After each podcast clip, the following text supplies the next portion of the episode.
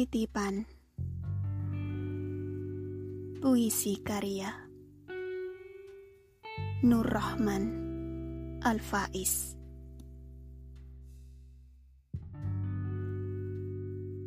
Barangkali dunia hanya sebuah lahan tempat nasib terparkir datang dan pergi. Di sudut sana ada sebatang pohon rimbun. Angin berhembus sesekali, menggoyangkan dahan dan ranting, mendebarkan daun-daun kuning seperti mengundi daun mana akan jatuh.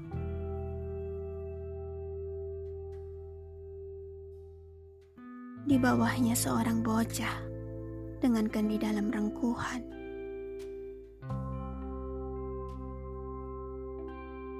Sementara di sebuah musola kecil,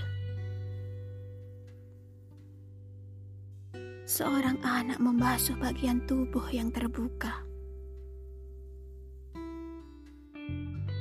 Mukanya yang kusut,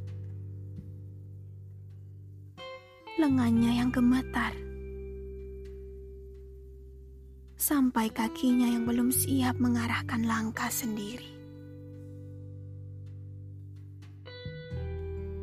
Digelarnya sajadah,